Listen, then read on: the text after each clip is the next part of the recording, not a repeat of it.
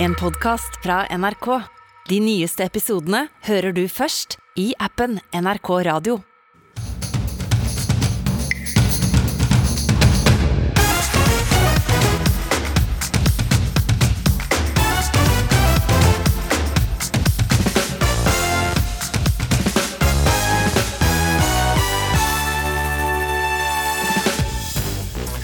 Ingen skjermtid for barn under to år er det nye klare rådet fra helsemyndighetene.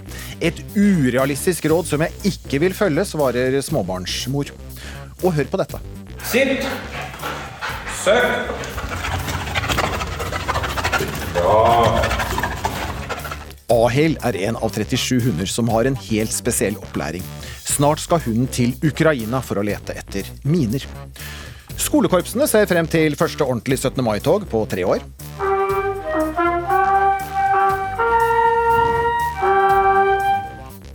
Og komiker Sigrid Bonde Tusvik har startet et helt nytt korps. Vi lodder stemningen tre dager før ilddåpen.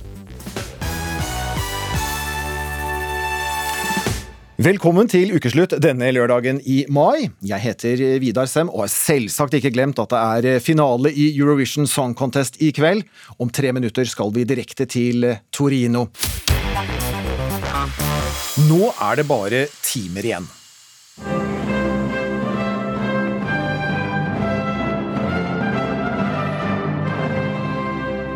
Og mange gleder seg til den store finalen i Eurovision Song Contest. Det blir veldig gøy. Så bra. Jeg gleder meg masse. Det blir kjempebra. Jeg gleder meg skikkelig til å se Norge. Ja. Heia Norge. Vi skal kjøpe masse godteri til eh, lørdagskvelden, og så skal vi kose oss masse. Og vi skal direkte til Torino i Italia, der det skjer i kveld. Og reporter Linda Wedler, eh, hvordan preges byen av at det er finale i kveld? Ja, God ettermiddag fra Torino, eller Good Evening Europe, som vi snart skal høre runges utover hele Europa. Stemningen i Torino den er absolutt god. Jeg står nå på et torg midt i byen hvor jeg ser at folk begynner å komme bærende med flagg fra det landet de er fra. Og det spilles til og med litt sånn taffelmusikk fra de bidragene vi nå skal se på scenen i kveld. Og folk er generelt god stemning her i byen nå. Mm. Det er ikke alt som er like lystig, for som vi hørte i Dagsnytt, så truer en gruppe prorussiske hackere med å angripe avstemningen under finalen i kveld. Hva mer vet du om det? Det er jo da Killnet som har skrevet på sosiale nettverket Telegram at man ikke kan stemme online, og så har de trykket på Eurovision-logoen. Dette er nå en trussel fra en prorussisk gruppe som sier at de kommer til å ødelegge for land som ikke støtter Russland. EBU har jo vært ute og svart på denne henvendelsen fra NRK og sier at de ikke er så bekymret, for de har en mengde sikkerhetstiltak som gjør at det ikke skal ramme stemmene fra folkejuryen. Men om det skulle skje, så har man likevel da allerede tatt inn disse eh, fagjurystemmene, som er, ble da kom i går. Så helt eh, Det skal ikke gå helt eh, gærent heller om det skulle skje. Nei, og, og, hacking eller ikke. Uansett så blir krigen i Ukraina uunngåelig også, også i kveld. Absolutt. Det er jo Ukraina-krigen er synlig og til stede her ved, ved, arenaen. Da ser man jo folk som bærer på det ukrainske flagget og åpenbart støtter Ukraina. Og på scenen i kveld så skal jo åpningsnummeret også være veldig preget av fredsbudskap. Er, de spiller jo da 'Make Peace, Not War' av John Lennon og Yoko Ono. Og da tenker jeg at Europa kommer til å føle på en sånn lite Ja, nå står vi samlet. Og Ukraina troner fortsatt suveren på bettinglister. Er det noen som tviler på at landet vinner i kveld? De fleste jeg har snakket med til nå, når det kommer til ja, fans og presse, sier jo at de tror nok at Ukraina stikker av gårde med denne seieren. Kommentatorer fra, fra Sverige sier også at de tror ikke på at Sverige kan eh, ro i land en seier i år, pga. at Ukraina ligger så langt opp i teten. Og de får jo utrolig mye solidaritetsstemmer. Men også er det mange som mener at låten er god. Så det skal kanskje være vanskelig å slå Ukraina i kveld. Og så vet jeg at det også snakkes mye om, om det norske bidraget, eh, selv om det er ingen kanskje som spår at det vinner. Vi får, vi får krysse fingrene for Norge, og, og, og takk for eh, rapporten, Linda Wedler fra Torino. Senere i ukeslutt så kommer programleder Silje Nordnes og Høyres nestleder Henrik Asheim hit eh, for å gi deg sin favoritt i år. Så kommer det en som mange små kjenner til. Hei, Fantis. Hei, Fantis! Se der! Ja, minibarna kommer. Ja, Den prisvinnende TV-serien Minibarna med den lille lilla elefanten Fantus er en av NRK Supers største suksesser de siste årene, og målgruppen er eh, ettåringer. Men denne uken så kom det nye råd fra Helsedirektoratet om at små barn under to år ikke bør se på skjerm i det hele tatt. Og Ronja Sylman, eh, velkommen hit. Ja. Hei, du, du er mor til eh, ei jente på ett år som i likhet med mange andre ser på skjerm, i hvert fall litt. Hva syns du om ukens råd? Nei, jeg syns at Helsedirektoratet burde tenke seg litt om. For mange mødre følger, med, følger de rådene, da. Og jeg syns jo at eh, Altså, jeg sjøl får jo dårlig samvittighet. Ja, du gjør det. Hvis jeg, Ja. hvis jeg da lar ungen se på TV da, etter å ha lest de rådene. Ja. Men eh, Du får dårlig samvittighet, eh, men kommer du da til å følge rådet? Nei, jeg gjør jo ikke det. Fordi jeg har ikke lyst til å sitte på med den samvittigheten. Hva er det din datter ser på? da? Nei, hun ser nå alt fra minibarna til Peppa Gris. Eh, hva opplever du er bra med det, at hun ser på TV? eh, og slik jeg skjønner på dere, så ser hun kanskje rundt et kvarters tid hver dag? Nei, hun ser jo ikke hver dag, men hun blir Så vi ser jo på henne at hun blir veldig glad. Hun klapper med hendene, hun smiler. Det er liksom Så det, altså, det er det som gjør henne glad. Altså. Vi ser at hun eh, elsker fargene og følger veldig mye med på det, og gir henne nye inntrykk. Og eh, når dere drar på biltur, eh, hva skjer da? Nei, da, får, da tenker vi at da er det greit at hun får se litt lenger på TV. Det, hun, det, hun holder seg jo rolig i bilen, og hun blir veldig Hun blir jo litt sånn sutrete og kan begynne å skrike litt. Og, så når vi setter på TV-en da, da blir hun, det blir hun roligere, rett og slett. Men tenker du ikke at det er eh, Eller tenker du at det er ettåringen din som trenger skjermen, eller at det er dere foreldre som kanskje har behov for eh, at barnet får skjermtid? Både og. Men du kommer ikke til å, å følge rådene til eh, Helsedirektoratet her. Og um, Erlend Bø, du er fungerende avdelingsdirektør i dette direktoratet, eh, som står bak disse rådene. Her hører vi altså en mor som får dårlig samvittighet av rådene deres. Kan det hende at dere har glemt hvordan det er å ha barn? Nei, jeg tror ikke vi har glemt hvordan det er å ha barn. Men det er vi som helsedirektorat. Vi har nå kommet da med helsefaglige råd på fysisk aktivitet og tid i ro, eller passiv og også skjermtid. Ja, Og da sier det null skjerm til eh, eh, under to. Det er helt Det er riktig. Og det, uh, dette baserer jo vi på uh, Verdens helseorganisasjon uh, og deres råd, og, og den kunnskapen de kommer med. Og vi ser Det vi sier er jo også at små barn trenger ikke skjerm. Det er ikke noe farlig for et lite barn å se litt skjerm, men det, er, det barn trenger, det er å eh, være i bevegelse. De trenger å ta inn inntrykk, eh, se på ansikter. Eh, og kanskje et lite eksempel er jo Man kan jo lære seg frukter på en iPad eller noe sånt, men hvor mye bedre er det ikke å kjenne på og lukte på og smake på? Til og med kanskje crunche den bananen i sofaen. Ja, for du sier Det er ikke skade at det ser litt på skjerm, men eh, nå kan det være at det er noen som ser, har barn som ser enda litt mer på skjerm enn en, en Ronjas datter her. Hva skjer da med barn under to år som ser eh, noe eller mye på skjerm? Det kunnskapen som eh, Verdens helseorganisasjon har sett på, viser det at eh, barn som ser mye, bruker mye skjerm, så kan man ha en eh, De, får eh, redusert kognitiv og eh, motorisk utvikling. Eh, og så scorer en del lavere på, på det sosial kontakt med andre. Og så kan det være også at eh, enkelte får en høyere andel eh, kroppsfett. Eh, men det er viktig å merke seg her eh, også at eh, kunnskapsgrunnlaget eh, er eh, Det slår fort inn en del etikk hvis man skal begynne å forske mye på, eh, på hvordan små barn eh, gjør det. Ok. Og Rådet eh, fra Helsedirektoratet det kom altså mens NRK Super var godt i gang med å lage sesong fire av nettopp Minibarna. Og redaktør Siril Heyerdahl, eh, hvilke diskusjoner har foregått hos dere som jobber i produksjonen da, etter dette nye rådet?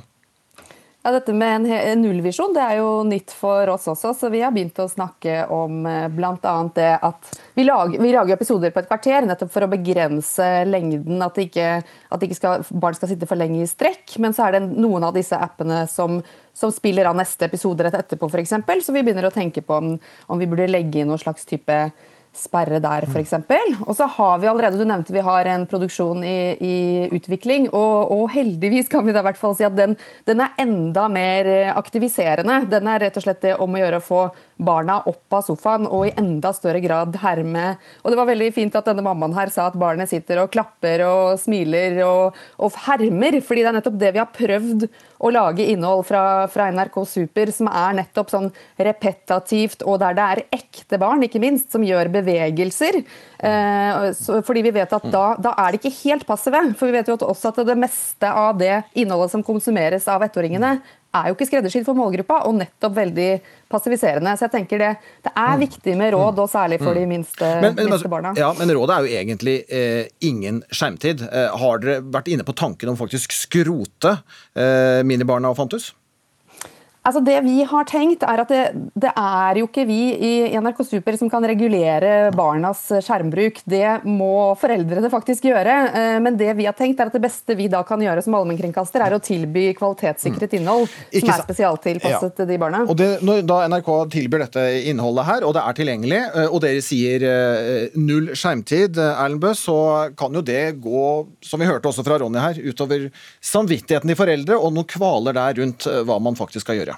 Det, det forstår vi. Eh, og som sagt, vi har kommet nå med våre helsefaglige råd når det gjelder minibarna og, og hvordan NRK Super eh, gjør sine redaksjonelle valg, så det skal ikke vi mene noe om. Eh, eh, men eh, Og så vil jeg jo eh, understreke her at eh, at eh, det, vårt råd det går jo Vi har bl.a. sagt at TV eller skjerm skal ikke brukes som barnevakt. Det er det eh, rådene våre bl.a. omhandler.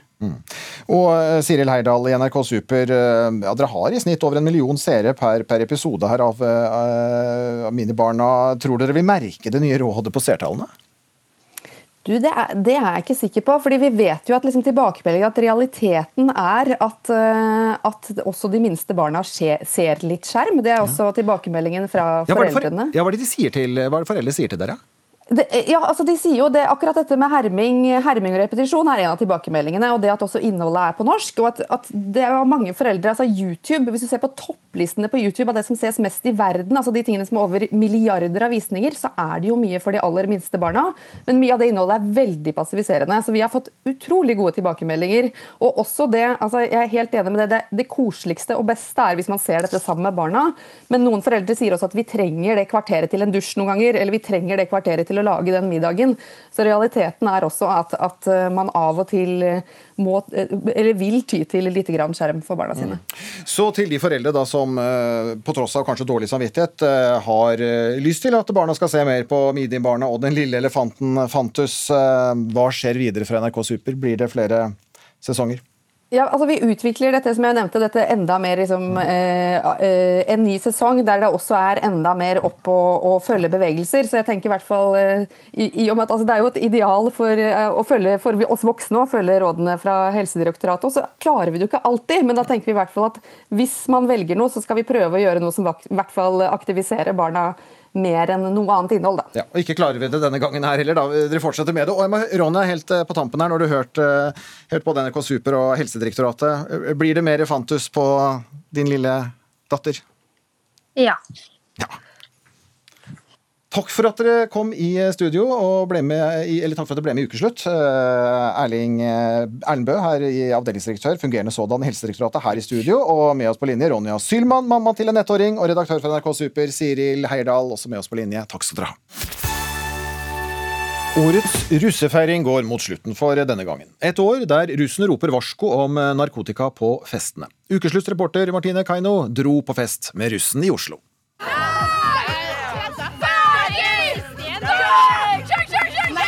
En gjeng med rødkledde ungdommer styrta øl i skumringa på Sognsvann i Oslo. Om lag 30 stykker er kommet hit denne kvelden. Og mens noen allerede har tatt en tissepause i skogen, er andre godt i gang med festen. Russetiden omhandler jo veldig mye for å si det, veldig mye fyll. Ja, men det er også de som tar festen enda lengre enn alkohol. Du kommer ikke på en fest og det ikke er kokain. Dessverre. Og det er ikke sånn at man går på badet lenger for å ta det. De sitter gjerne rundt bordet og liner opp striper, så det er, det er ikke så greit. Thelma Stensberg fra Tvedestrand er en av de som har slått alarm om russens narkotikabruk i år. Jeg har blitt litt overraska fra overgangen, på en måte. At det er blitt så vanlig, da, med kokain spesielt. Man får selvfølgelig ikke med seg alt på en fest, men eh, man merker jo lett om folk er ruspåvirka ganske fort. Ja, det skulle jo ikke vært noe som helst av det, så det er jo eh, klart at det er for mye rus. Når det gjelder pulverstoffer, så har det jo vært en økning i, i bruken. Det forteller Rune Solberg Svan, leder for Fellesenheten for forebygging i Oslo-politiet. Politiets trusselvurdering i år har varsla om salg av ulovlige rusmidler på nett. Unge eksponeres oftere for et tilbud om å kjøpe narkotika i eh, settinger der de kan handle anonymt og uten å føle at de blir sett. Det er jo litt sånn at det står liten, eh, et lite skilt i panna på ungdom der det står 'beklager stengt pga. Eh, ombygging'. Ann Karin Svann, leder for landsgruppa til helsesykepleiere, mener det kan være vanskelig for ungdom å vurdere risikoen ved å bruke narkotika. Men jeg tenker at vi hadde en ganske stor sånn eh, rusdebatt for en tid tilbake i pandemien. Og etter den debatten så så er det veldig mange ungdom som helsesykepleiere møter der ute, som sier at de oppfatter at det er blitt legalt å bruke narkotika. Jeg mener at dette er en ganske absurd argumentasjon. Dagfinn Hessen Paust, jurist og advokat i Foreninga for tryggere ruspolitikk, kjenner seg derimot ikke igjen i forklaringa. Rusreformen, den prosessen som den utgjorde, var jo egentlig et uttrykk for, eh, for strømninger i samfunnet og, og, globalt. Det er ikke slik at rusreformen har produsert disse strømningene. Eh, vi ser endringer politisk eh, på verdensbasis. Tyskland er i ferd med å legalisere cannabis. Andre land har avkriminalisert diverse stoffer tidligere, med god erfaring. Men hvis russen sjøl sier, som er på de her festene, at her er det masse kokain, og de kjenner på et press for å bruke det, hva tenker du om det? Altså De dataene vi har, viser jo at det er relativt få blant russen som, eh, som, har prøvd kokain noensinne. Og vi vet også at av dem som prøver, så er det veldig få som fortsetter å bruke det. Og uansett så er det fortsatt alkohol som er det vanligste rusmiddelet, også blant russen. Ok, alle holder kjeft! Ved Sognsvann i Oslo har en gjeng av vandrerussen, altså de som ikke har russebuss, møttes for å gjennomføre et ølløp. Målet er å springe fire engelske mil, der de må banske en øl mellom hver runde.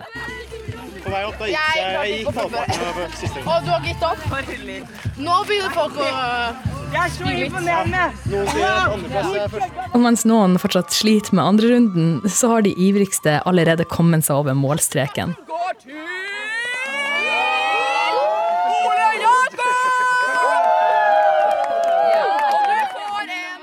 Selv om trenden viser at flere prøver narkotika, så er det fortsatt sånn at de aller fleste ikke gjør det. Vel, eh, som vandreruss, så jeg vet ikke, jeg, jeg, vi har ikke opplevd noe rusbruk her. Aleksander Stojkovic er miljø- og sikkerhetssjef i Oslo-russens hovedstyre. Og han er oppgitt over at alle blir dratt under én kam. Eh, jeg har selv vært nærme vennegjenger som driver med narkotika. Men det virker som de nå har, særlig russetiden, bare gått av fordi alkoholen og det sosiale holder. Pass på vennene dine. Pass på alle sammen. Fordi hvis ikke så får man ikke en like så god russetid. Etter noen timer så har vandrerussen på Sognsvann fått flere meldinger fra andre venner som er i en park i sentrum. De skal ta T-banen for å møte de. Jeg prøvde mitt beste, og det var ikke med vilje. En av de russene jeg snakka med på veien tilbake, Ella Riis, hun håper at eh, folk kan forstå at ikke all russ drar festen for langt. Det handler jo mye mer om enkeltpersoner og enkelte grupper enn russen som en helhet. Det blir jo litt sånn på en måte samfunnet generelt. Det kommer alltid til å være noen som syns det er gøy med kokain. Og så kommer det til å være noen som syns det er gøy å bare ikke drikke noe i det hele tatt. Eh, Hvor det nå skal handle om denne ukens mest omtalte fotballspiller. Ja, får du kontroll her nå?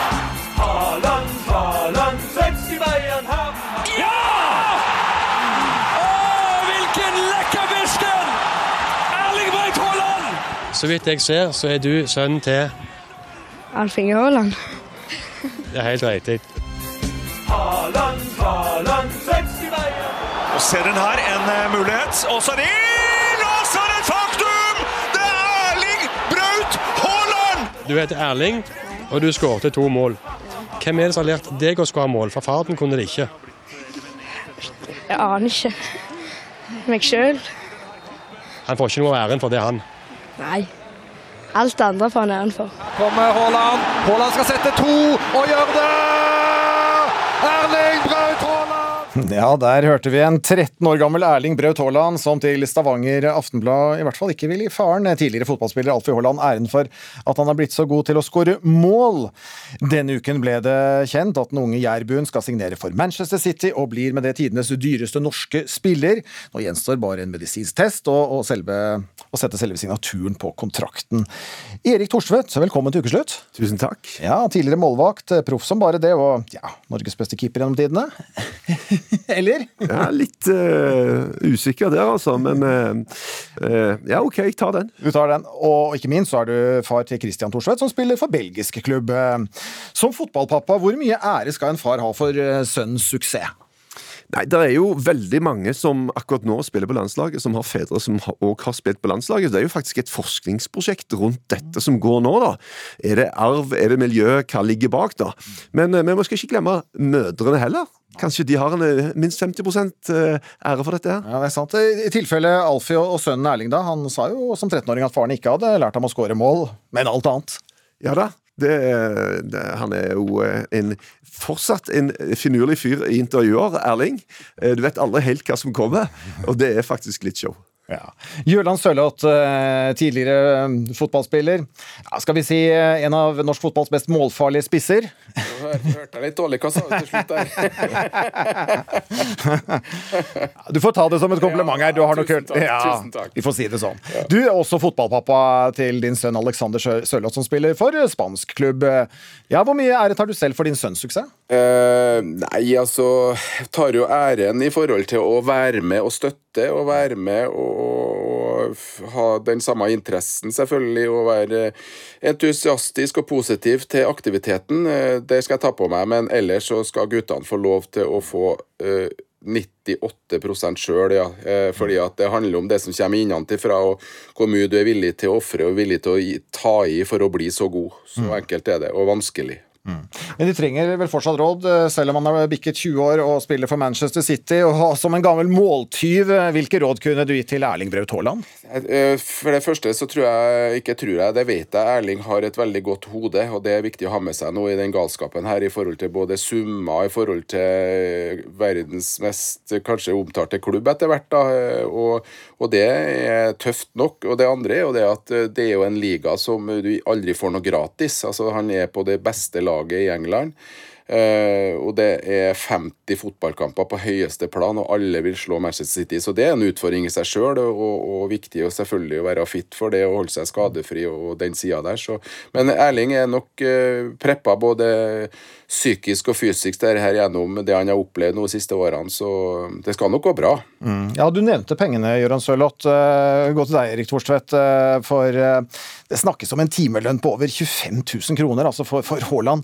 Eh, Han har neppe hatt det knapt før, eh, og det er mulig han ikke trenger hjelp til å skåre mål, men hvordan takle slike enorme summer som kommer inn? Du, du takler vel med å ha et litt distansert forhold til det, egentlig. Konsentrere deg om det du skal gjøre, det å spille fotball. Og jeg tror fotball gleder faktisk fortsatt er en del av det hele. Og at Pep Guardiola, som et fotballgeni, trener for Manchester City, en av grunnene til at han òg går til den klubben. For at gjennom han så kommer han til å bli enda bedre. Han kommer til å lære masse av, eh, av Pep Guardiola. Mm, mm. Uh, en ting er uh, pengene han får, en annen ting er hvor de, hvor de kommer fra og, og, hvem som er uh, eiere her i bånn. Altså, den kongelige De forente arabiske emirater er beskyldt for brudd på menneskerettigheter. er det et problem?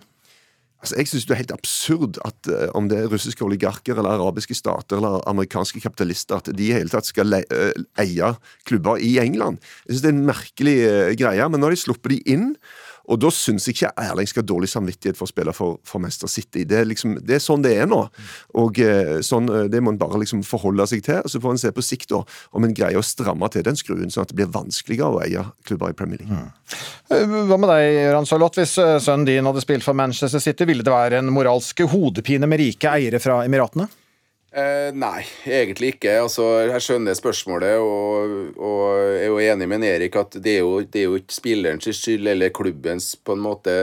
Det er, jo, det er, jo, systemet som gjør at det er muligheter for å, for å, komme inn. Og det må de se på og gjøre noe med. Det er jo der det ligger. Og så må vi ta det i, rek i riktig rekkefølge. Det blir i hvert fall feil rekkefølge å, si at en Erling Braut Haaland ikke skal gå til Manchester City. Ja.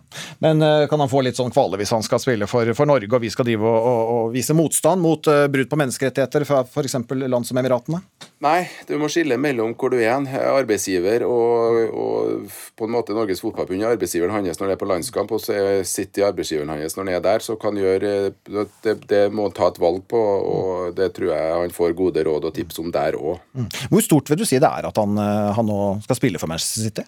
Ja, Det er helt enormt. altså Det er, jo, det er jo selvfølgelig veldig artig og gunstig for dem som er på toppen av, av hierarkiet, altså norsk fotball òg, i forhold til medspillere, i forhold til landslaget. da, og, og ser at det er muligheter for en norsk landslagsspiller å komme dit eh, helt opp på toppen. Og så er det jo viktig i forhold til rekruttering. altså Unge jenter og gutter som ser at du kommer fra lille Norge og, og, og landsby, nesten, for hvis en skal være ekkel å si det om Bryne eller Jæren. da, og, og da det går, det går faktisk an, altså. Ja, vi tar inn uh, Rik Thorseth her. Ja, jeg tror Bryne har fått bystatus, bare så vi slår ja, det, det fast. Men uh, gir det en opptur for uh, norsk fotball og kommende fotballspillere? Rik Thorseth? Ja, vi syns jo det er stas at folk lykkes sånn som han gjør. og det er jo enorm den skåringssnittet han har. Han skårer nesten ett mål per match. og det Å holde det over såpass lang tid som han nå har gjort, det er ganske sykt. altså. Så blir det kanskje litt tøffere, da. Eh, jeg tviler på om han skårer et mål i snitt per match i, i Premier League, men han kommer til å skåre mye mål. Mm. Altså, Dere er jo begge to fotballpappaer med sønner ute på de europeiske baner. Eh, altså For oss og de av lytterne som ikke er helt inne i fotballens indre gemakker, eh, hvor viktig er det hvilken klubb sønner deres spiller for? Nei, altså Det å ta riktige klubbvalg betyr mye. At du har klaff med at du er på rett, i rett klubb med rett trener til rett tid, det har enormt mye å si. Det er mye mer flaks og uflaks i fotball det vi kanskje er villige til å innrømme. Og Foreløpig så har i hvert fall Erling da, tatt gode valg i forhold til neste steg hele veien. Mm. Gøran? Ja, nei, altså Det er jo som en Erik sier her, at, at den, den følelsen du, du sitter med, og det kan ikke vi Vi kan hjelpe deg med i forhold til mye, men den siste følelsen er, kommer jo egentlig som kaller den berømte magefølelsen, at du tar det riktige steget og riktige avgjørelser, og det er, det jo, det er jo den spilleren som som er inne i det systemet som, som, må gjøre. Altså, agenter, ja. Eh, foreldre, ja. Men til slutt så er det du sjøl som, som, sitter og, og, må bestemme deg. Og det tror jeg er ganske viktig også. Mm. Og Erling Braut Haaland har valgt rett klubb? Ja. Jeg syns det. Mm. Eh, altså I kveld så spiller han sin siste kamp i Dortmund-trøya i ettermiddag klokka 15.30 mot Hertha Berlin hjemme i Dortmund. Eh, ja. Spent, kamp, spent, på kampen? Ja, Han ønsker nok sikkert å gå ut med et uh, gigantisk smell og skåre noen mål der, men Hertha de kjemper for livet de for ikke å rykke ned, så det blir litt av en match. Jeg kan, jeg kan jo fortelle den siste kampen jeg spilte for Rosenborg når jeg skulle til Tyrkia. Da sa Nils Arne Eggen at uh, jeg så ut som jeg hadde allerede reist til Tyrkia. Så da skjønner du at det, det kan være litt problematisk å ha en sånn type siste kamp. Ja, da, Han har vært vekke en del og vært på medisinsk sjekk, og det har vært mye styr rundt han denne uka. så jeg håper at han har greid å kvitte seg med all den mentale bagasjen rundt de greiene og konsentrere seg om bare én ting. 90 minutter i dag. Og gjør sitt beste. Takk for at dere ble med i Ukeslutt, Erik Thorsvedt og Gøran Sørloth. Inn hit i studio har det kommet to dedikerte og kunnskapsrike Eurovision-fan. Nestleder i Høyre, Henrik Asheim, og programleder her i NRK, Silje Nordnes. Velkommen. Tusen hjertelig Tusen takk. Og Henrik Asheim, du var med i en episode av Adresse Torino, som har gått på NRK1 de siste fredags- og lørdagskveldene. Hva betyr Eurovision Song Contest for deg? Akkurat nå alt. Eh, Det er denne helgen hvor Grand Prix er. Det betyr at nå er det konkurranse, det er alt på en gang, og fest og fjas. Og Silje Nordnes, du har både vært innom som programleder for norske MGP, og du har også gitt oss Eurovision Party på P3. Hvor gira er du før kveldens finale? Nei, altså Eurovision er vårens vakreste eventyr, og det er jeg mener det, topp tre dag i året. Så jeg er megagira. Også på Norges vegne?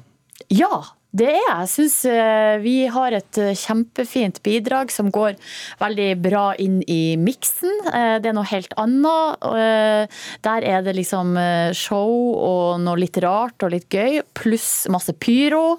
Eh, Vi er der vi skal ligge. Ja, og det, og det som er gøy med vårt bidrag er at sangen er fengende, men showet husker du jo. Det er jo gule ulver. ikke sant? Og Det er eh, du kan, det er mange artister som driter seg ut på dette. De har en bra sang, men dårlig sceneshow. Dette er noe man ser på, det er ikke bare noe man hører på. Så det er veldig viktig. Og nå for alle ukeslutts lyttere, eh, må dere tippe plassering her, Henrik. Eh, Norge? Norge. Ja, så selvfølgelig håper man jo vinner, men jeg tipper sjetteplass. Oi. Jeg sier kanskje åttende, jeg, da. Å, ganske litt, Men topp ti tror jeg nok det blir, ja. Det tror jeg også. Ja. Det har jo vært eh, spekulasjoner helt siden Subwoolfer opptrådte i den norske MGP-finalen i år. Hvem er disse ulvene og, og DJ-ene i bakgrunnen egentlig? Artister som Ben Adams fra boybandgruppen A1 og Gaute Ormåsen har jo vært eh, hyppig nevnt. Eh, Og Silje, du som jo har ledet Maskorama, har trigget detektiven i deg? Ja, det har jo det. Og det blir jo veldig sånn Ja, det gjør, det gjør jo absolutt det. Men vi har jo ikke fått noe hint, ikke sant? Det er jo forskjellen her. At i Maskorama så får man jo en hintpakke, og så kan man jo faktisk begynne å gjøre eh, liksom, eh, etterforskningsarbeid på egen hånd. Her får vi bare med noe Jim og Keith og Månen og Det er veldig lite å gå på, da. Men det er ikke så lenge siden jeg var inne på Spotify, for plutselig tenkte sånn Hvem er akkreditert på den sangen? Godt poeng. Og de som er eh, kreditert for å ha lagd denne sangen, er Jim, Keith og DJ Astronaut. Så du får Ah. ingen hjelp. Nei, nettopp. Og jeg var eh, med på noen greier denne uka her med Keiino. Som jo vant Grand Prix, bare at de vant ikke allikevel fordi vi har disse elendige ekspertjuryene. Folket stemte på Keiino. De har vært i Torino nå og vært på fest med Subwoofer. Altså uten masker. Og det det er, det er noen ting som, som vi har diskutert i min vennegjeng også. Det er at det er forskjellig høyde på dem. Altså Fra gang til gang du ser dem, så er det litt ulik høyde på dem. Eh, Og så sa jeg det er jo veldig rart. Så sa de det er jo ikke sikkert det bare er to vokalister. Det kan hende at det er flere. At de rullerer på en eller annen måte. At det er, altså, kan alt, alt kan være Og du som er ekspert på dette, Ja, kan det hende at det Ja, det, altså, det, det tenker jeg. Det kan kanskje fint Jeg vet ikke om det er lov. Det er jo et sterkt eh, år sett med norske øyne. Altså Ikke eh, bare gikk Subwoolfer til finalen, eh, men norsk Amanda Tenfjord, som synger for Hellas, er med. Og i det tsjekkiske bidraget så er det med nordmenn. Eh, Dette er gøy. Ja, det er så gøy. Vi har tre muligheter til å vinne. Ja, eh, og Tenfjord, som jo synger for Hellas, er jo ikke bare sånn eh, fordi Noen ganger så tar vi eierskap til artister som er sånn Ja, fetteren er halvt norsk, eller noe sånt. Nei, nei, dette her er Hun er norsk! På alle mulige måter! Og veldig, veldig dyktig vokalist, ikke minst. Men det er ikke det norske bidraget eller nordmenn i finalen som blir trukket frem når eh, dere skal få velge dere hver deres eh, favoritt. eh, For Silje Nordnes, hvem er din? Ok, Jeg syns det er veldig vanskelig å velge, da. Det er 25 alternativ. Men det er, altså, det er to klappesanger som er høyt oppe hos meg i, år. Serbia har sendt noe slags kunstperformance som er helt nydelig, med noe klapping. Men så er det da Portugal, som er et litt sånn utypisk favoritt for min del. Jeg liker å gå for de store, flamboyante, sjangerblandende, altså store showene. Pyro, vindmaskin. Det skal være alt. Men her er noe helt annet, og jeg elsker det. La oss høre.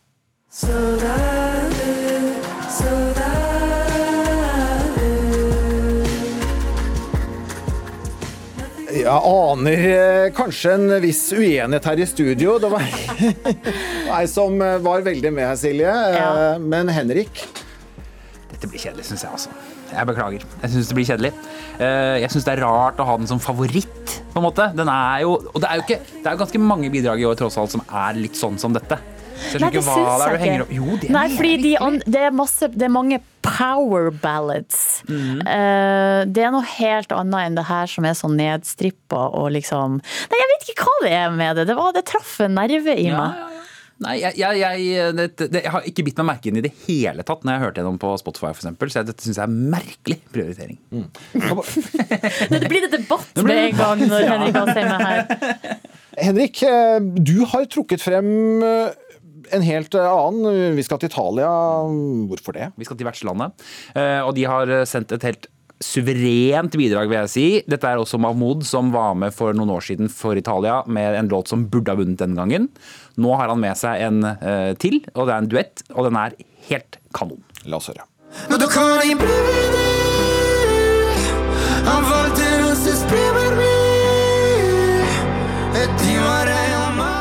To som uh, tydeligvis liker denne låten. Jeg ser på dere her i studio, Silje Nordnes og Henrik Asheim. Det er vakkert. Det er altså så vakkert. De synger så fint, disse to gutta, og de er så flotte, og de Ja, dette er en nydelig sang. Og jeg tror ikke du er like uenig Nei, nei. som Henrik var med din, eh, ditt valg. Nei, jeg er enig. Jeg syns det er et nydelig bidrag. Men det er ikke favoritten min, da. Men uh, man har jo Det er jo hver sin smak. Det er jo det som er så deilig. Og så er det et eller annet med liksom den der eh, Jeg i hvert fall kjenner så sterkt engasjement for min favoritt. Uh, men så er det jo en veldig sånn eh, Det er jo et koselig og hyggelig engasjement. Fordi det er på en måte ikke så farlig. Og det er det jeg også egentlig liker med Eurovision, da.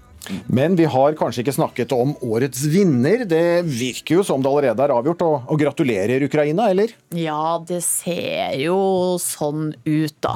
Eh, og det handler jo selvfølgelig om situasjonen som vi har i Europa nå. Eh, men også fordi det er en god låt. Eh, Ukraina har altså sånn track record i Eurovision. De har alltid, altså Etter at de begynte med semifinaler, så har de alltid kommet til finalen. De har vunnet flere ganger. De plasserer seg veldig ofte på topp fem, topp ti. Eh, denne låta som vi har nå, tror jeg hadde blitt topp fem uansett. Eh, men pga. kanskje litt sympati, så blir det nok seier. Ja, men Bør den sympatien Henrik Asheim, gi Ukraina seier på denne låten her i kveld? Det er i hvert fall veldig forståelig, og det er også fordi man stemmer jo ikke på artisten, bare man stemmer på land. Og her stemmer man da på Ukraina, og det tror jeg veldig mange kommer Men til å gjøre. låtmessig, helt ærlig, er den god nok? Nei, jeg mener ikke at den normalt ville hatt de vinneroddsene i det hele tatt. Jeg tror jeg er enig med Silje at den ville vært høyt oppe, men jeg tror den ville kommet på topp fem, kanskje topp ti. Det ukrainske bidraget skal du få høre senere her i ukeslutt, når vi treffer ukrainere i Norge eh, som er klare for den store finalen med sitt land som en klar eh, favoritt. Takk for at dere kom hit og kos dere med finalen i kveld, Henrik Asheim og Silje Nordnes. Takk. Om tre dager så er det 17. mai, og endelig kan det feires som normalt etter to år med pandemi. Det betyr korps på korps på korps. Ukeslutt har vært ute for å teste korpsformen. Jeg gleder meg til 17. mai veldig mye, men jeg gruer meg også litt. Jeg gleder meg mye, fordi de siste to årene har det vært korona, og vi kunne ikke liksom feire bra.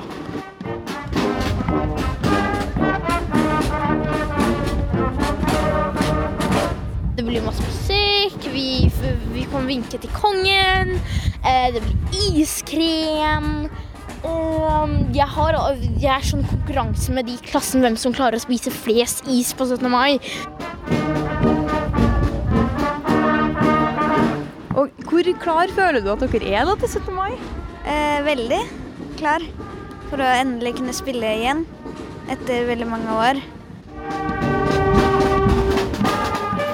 Var Susanne Njølstad Skansnes som hadde snakket med Bjølsen skoles musikkorps i Oslo. Men nå skal vi til et korps som har startet helt fra scratch, og sikter inn mot å være et nytt tilskudd til de langt over 100 korpsene som skal gå forbi Slottet på nasjonaldagen. Korpset består utelukkende av kvinner, og reporter Iris Andradottir, du befinner deg på Nordstrand i Oslo, for der har korpsgeneralen, som jo er mest kjent som komiker, nemlig Sigrid Bonde Tusvik, invitert korpset hjem til seg denne lørdagen. Og er det 17. mai-stemning å spore? Ja, her er eh, forberedelsene i gang i hvert fall. Det er eh, sommer i lufta og med god utsikt over eh, Nordstrand og Oslofjorden, så befinner vi oss her i hagen til korpsgeneralen. Omringet av epletrær og ripsbusker og en kjempefin grønnsakshage. Men Ikke minst så står vi her foran et eh, fulldekket 17. mai-frokostbord med flaggbane på bordet og servietter i rødt, hvitt og blått. Så ja, man kan vel si at de er stort sett klare til 17. mai. Men så er det store spørsmålet er korpset klare for å spille? Ja, Vi kan jo høre med korpsgeneralen selv om hvor klare de egentlig er til å spille på 17. mai. Vi er eh, ganske klare. Eh, Vi øver jo nå på spreng. eh, Og det er jo litt vanskelig, for vi både lager jo TV-program, og vi er jo et ekte korps. Så det er jo to jobber eh, faktisk som da skal eh, skje samtidig. Men eh, jeg føler, eh, føler at vi absolutt eh, er klare. Vi har øvd masse. Ja, Hvor lenge har dere øvd, egentlig? Siden august i fjor. Så vi har eh, som et svangerskap ni måneder. Og Zenubi Maier, du spiller saksofon i dette korpset. Har du begynt å krible litt i magen til 17. mai? Absolutt. absolutt. Jeg drømte faktisk om å marsjere i natt. Eh, våkner veldig tidlig. Eh, bare tenker at ok, jeg må, jeg må øve. Det er egentlig nesten det jeg eh, tenker eh, hele dagen lang. Ja, Har det vært mye øving i det siste? Veldig mye øving. Veldig mye øving. Og Hadde du noe, noe som helst erfaring med å spille saksofon eh, før dette? Overhodet ikke. Det er første gang jeg har holdt en saksofon i august i fjor. Og Sigrid Bonde Tusvik, hvor spent er du på korpset ditt? Nei, nå er det mer sånn at jeg gruer meg skikkelig, fordi jeg føler det er en premiere. Eh, og som Zenube også sier, eh, sover dårlig. Det er egentlig veldig bra, da, for vi skal jo stå opp fem, eh, og det gjør jo korps. Så det er egentlig veldig fint at vi har begynt å øve mentalt på å våkne altfor tidlig. Og så tenker jeg jo at det er jo bare det å, å, å på en måte det, jeg, jeg har hørt fra Else Kåss Furuseth, som er den eneste jeg kjenner som har spilt i korps, at det å gå på, i tog på 17. mai. Da blir du heiet fram av hele Norge på hver side av gata. Så det er visstnok en helt fantastisk opplevelse. Det har jeg aldri opplevd siden jeg var barn og gikk i barnetog, så jeg gleder meg jo også fryktelig, selv om jeg gruer meg litt. Kjempefint, Sigrid Bonde Tusvik og Zenubi Maier. Eh, Helt på tampen her, ti sekunder med en liten trall på saksofonen, kanskje? Ja.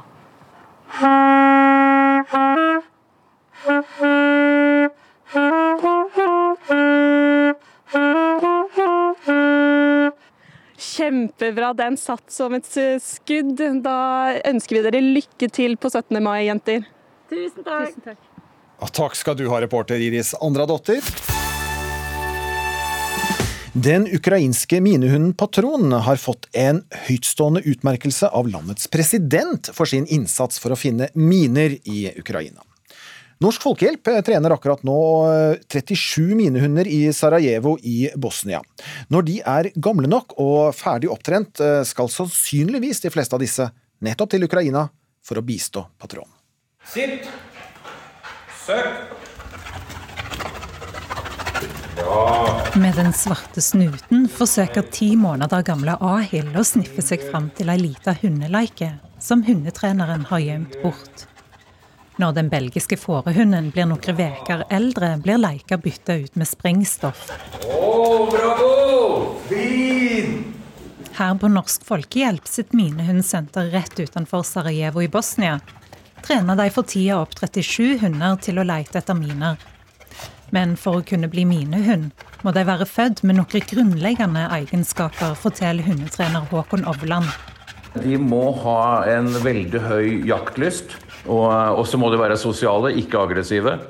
De skal jo behandles av mange typer forskjellige mennesker. Den ukrainske Jack Russell-terrieren Patron har opplagt disse egenskapene på plass. Patron, som har blitt kjendis i heimlandet, har alt funnet 150 miner eller andre ueksploderte objekt i byen Tsjernihiv. Medal for the dedicated service. A service dog og denne veka ble Patron sammen med eieren sin heidra av president Volodymyr Zelenskyj med statsprisen for dedikert tjeneste. Men Patron er i prekært behov for assistanse. Norsk Folkehjelp er en av verdens tre største organisasjoner på humanitær minerydding.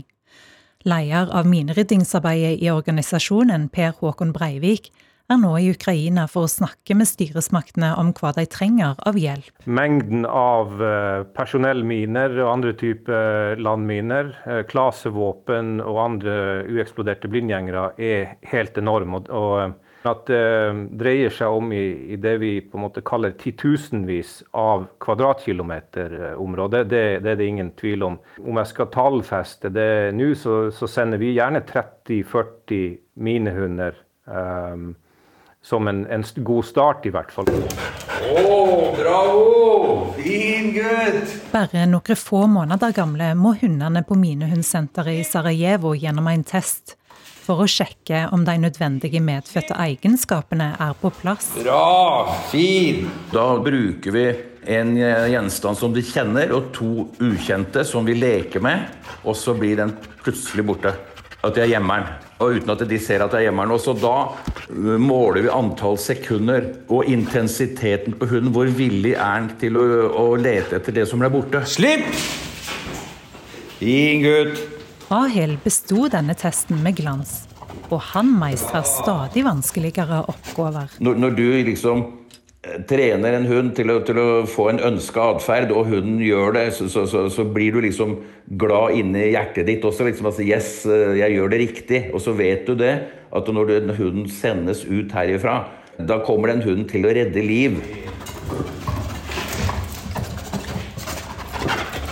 Om fire måneder er Ahil ferdig trent og klar for å dra til Ukraina og komme patron til unnsetning. Inntil videre sender Ahil ei hundehelsing til sin ukrainske kollega. Og som vi har vært innom tidligere i ukeslutt eh, i denne sendingen, årets storfavoritt til å gå av med seieren i Eurovision Song Contest er Ukraina. Vår reporter Martine Kaino eh, så den første delfinalen denne uken, sammen med ukrainske Jana Tukova og Julia Enger i Oslo. Ukrainske Kalush Orchestra med sangen 'Stefania' har blitt den store snakkisen i oppladning til årets Eurovision. For mens bandet opptrer på scenen i Torino, raser krigen videre i hjemlandet. Vi er veldig takknemlige for det de kan stille opp for oss. Oppe ved skoggrensa på Røa i Oslo bor Janina Tutsjova med sønnen sin og svigermora. De kom til Norge som flyktninger for seks uker siden. This song is very optimistic, and you understand that we are on the Janina mener sangen er håpefull og symboliserer at Ukraina er på den rette sida av historien. Og hun skal se delfinalen med ukrainske Julia Enger, som har bodd i Norge i ti år. Eh, jeg syns det er viktig for Ukraina at eh, de kan synge. De kan vise at ukrainsk kultur uh, eksisterer. Uh, de kan vise at ukrainsk musikk lever. Og um, det er viktig støtte for ukrainere nå. Dette er Stefania med Ukraina.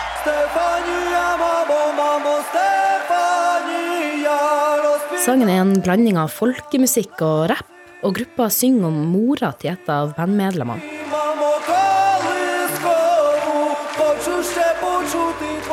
Jeg tenker at det kommer til å inspirere mennesker å stå på. Og så jeg tenker det hjelper også å samle krefter og kjempe videre og kjempe for frihet. There are 10 remaining countries. The eighth finalist is Ukraine! Ukraina er videre. Ingen overraskelse. Og selv om det var lite tvil blant de ukrainske damene, så er gleden fortsatt stor når hjemlandet tar seg videre til finalen. Vi kommer til å vinne. Jeg satser på. Vi kan tro på det. Og også alt er mulig. Vanligvis eh, er nok ikke tema skolesekk det som får folk til nærmest å fyke i tottene på hverandre. Men etter at Troms og Finnmark fylkeskommune denne uken annonserte at alle førsteklassingene fra høsten av skal få sekk med regnbuelogo, eh, har flere reagert. Eh, Ukeslutt tok en tur i skolegården her i Oslo for å høre med barn om hva de forbinder med regnbueflagget. Det betyr stolthet. Sånn at samme kjønn kan være kjærester. Det er som at Gutter og gutter kan være kjærester, og jenter og jenter kan være kjærester. Det kan jo handle om øh, vennskap. Ja. Det kan også handle om at man kan være seg selv, og at det er bra nok å være den du er. Det kan også handle om det. At alle fargene betyr like mye. Akkurat som alle mennesker betyr like mye. Men øh, hvorfor heter det plagg? Hvorfor kunne det ikke hete vennskapsflagg? Det er faktisk noen som, eh, som skal få sånn på skolesekken sin når de begynner i første klasse. Hva syns dere om det? Eh, Jeg syns det er fint og veldig kult. Jeg liker dette flagget. Veldig bra. Men jeg tror at um, du må ha det der flagget, siden det handler så mye om alt mulig, liksom. Alt mulig! Er det noen ting dere tenker at er dumt med å ha sånn flagg på sekken? Eh, Jeg syns ikke det er dumt. Um, Jeg syns bare at det er fint. Det jeg syns er dumt, er at ingen vet Nei, alle vet ikke hva det betyr. Og da vil de sikkert ikke ha det. Jeg er litt enig med Even. Men hvis de har det på stykket, så finner, kanskje de spør en voksen hva det betyr, så finner de ut av det, og så vil de ha det for alltid. Det kan hende. Ja, Det var reporter Susanne Njølstad Skansene som snakket med elever ved Ekeberg skole i Oslo. Nestleder i Hammerfest KrF og tidligere fylkesleder i Troms og Finnmark, Truls uh, Olofsen Mehus. uh, Du liker ikke disse sekkene, og debatten startet med et innlegg fra annet deg. Men barna vi hører her, syns jo regnbuefargene med en sekk er både fin og viktig. Så er det så farlig? Ja, jeg tror også kanskje at hvis man hadde spurt barna spørsmålet om hva de forbinder med et kors, så hadde de sikkert sagt mye pent da også. Og så kan det hende at ikke alle foreldrene ville at barna skulle ha et kors på sekken. Jeg tror at eh, vi må først stadfeste om eh, at det er ikke en hvilken som helst regnbue. Sånn som eh, jeg hørte dere har en spørreundersøkelse, så, så handler det da også om et, eh, et politisk symbol med seks farger, som ikke er en hvilken som helst regnbue, og, og som vi må forstå som at er et politisk symbol. Og da blir det prinsipielle spørsmålet skal vi ha politiske symbol på eh, ting som blir kjøpt inn av fylkeskommunen vår og delt ut til barn. Det er, der, det er der spørsmålet ligger for min del. Så det er et prinsipielt spørsmål, da. Mm. Du har selv en datter som skal starte på skolen til høsten. Eh, Har du spurt henne om hva hun tenker? Nei, jeg har ikke spurt henne hva hun eh, tenker om, eh, om eh, pride-logoen. Det har jeg ikke. Nei. Kommer du til å gjøre det, eller? Eh, det har jeg ikke noen planer om enda, nei. Nei, men på et eller annet tidspunkt så blir det vel, må vi vel kanskje snakke om det, da, hvis eh, disse sekkene deles ut. eh, Så hva skjer med din datters skolesekk til høsten, da? Ja, det, det vil jo vise seg. Vi, eh, vi har jo et håp om at vi skal, eh, at, eh, at vi skal få, få med oss fylkespolitikerne. For jeg tror det er flertall som er enig i prinsippet om at vi ikke skal ha politiske symboler på sekkene. Men hvis, jeg, har, men, jeg skjønner, men hvis det, det går gjennom, hvis alle førsteklassinger får sekk, hva, hva skjer på din datters skolesekk da?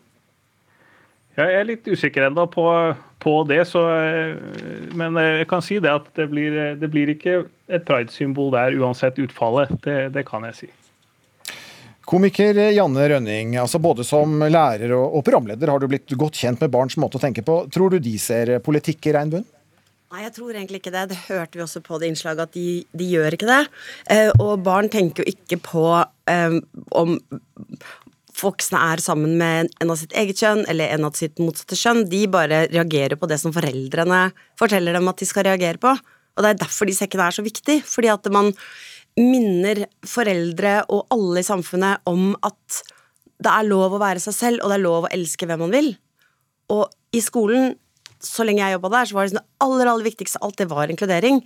Og at alle skal føle seg velkomne i den norske skolen. Og det er ikke noe kontroversielt. Altså, det er jo, det er jo på ingen måte forbudt å være homofil.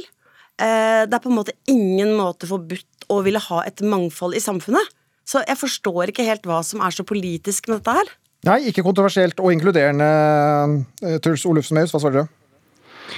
Ja, altså, det er jo det er klart Hvis man ikke forstår sammenhengen mellom eh, hvordan, eh, hvordan eh, ganske radikal politikk er knytta sammen gjennom det som kalles for Friforeningen og, og pride Så I Troms og Finnmark så pleier jeg å bruke eksempelet her at man husker at Arctic Pride de eh, eies av Friforeningen, og de jobber politisk. Det står det på nettsida deres. Så selv om, selv om det man kan si at for meg og for, for noen andre så betyr eh, prideflagget det betyr sånn og slik, så, gjør det jo ikke, så betyr det ikke det samme for alle. Og Det er derfor jeg sier at politisk symbolbruk har ulik betydning for ulike mennesker. Mm. Eh, Og selv om flagget ikke altså, kommer fra et helt annet sted, det var ikke tiltenkt sånn, så, så kan man kanskje si at det, det brukes politisk, eh, Jan Rønningen? Ja, hvis det er politisk å mene at alle mennesker er like mye verdt, og at eh, man har lov til å elske hvem man vil, så, så er det politisk. Men det som irriterer meg veldig, det er at ikke de uh, gammeltestamentlige kristne kan fortelle ekte hva de er så imot her. Kan ikke bare si 'jeg er imot' at mennesker skal få lov å elske hvem de vil? Og så Istedenfor å pakke det inn i masse sånn um, For altså, FRI er bare én liten organisasjon blant mange organisasjoner som jobber med menneskeverd og med at folk skal få lov å være som de er. Og hvorfor kan dere ikke bare være ærlige og si det som det er? Vi vil ikke ha homofili i samfunnet. Og hele, da, da, da, da tenker jeg da står det nesten mer respekt av IS, som skal kaste de homofile ut av de høyeste bygningene i byen. Det er i hvert fall ærlig. Da kan du diskutere det på en ordentlig måte, istedenfor å komme opp med en masse vikarierende motiver. Det er feigt, og det klusser til debatten, som er veldig viktig. Og dessuten så burde du, som er bosatt i Finnmark, vite at mange mennesker, særlig de nordligste landsdelene, um, sliter med selvmordstanker, og av og til også dessverre tar livet sitt. Og nå har du muligheten til å være med på uh, å godta at dette er noe viktig ved å la datteren din og alle de andre barna eh, på skolen få lov til å gå med den sekken. Jeg skjønner ikke at ikke vi jobber for det. Ok, Truls Oluf Smehus. Ja, Det hørtes jo veldig ut som du hadde et politisk budskap å komme med her. Det er derfor jeg sier det prinsipielle er at det er et politisk symbol. Og I forkant av sendinga så ble jeg på en måte advart at jeg ikke måtte gå inn på de konkrete politiske områdene som gjør at det er eh, ja, problematisk for, eh, for mange kristne å, og flagge med, med prideflagget.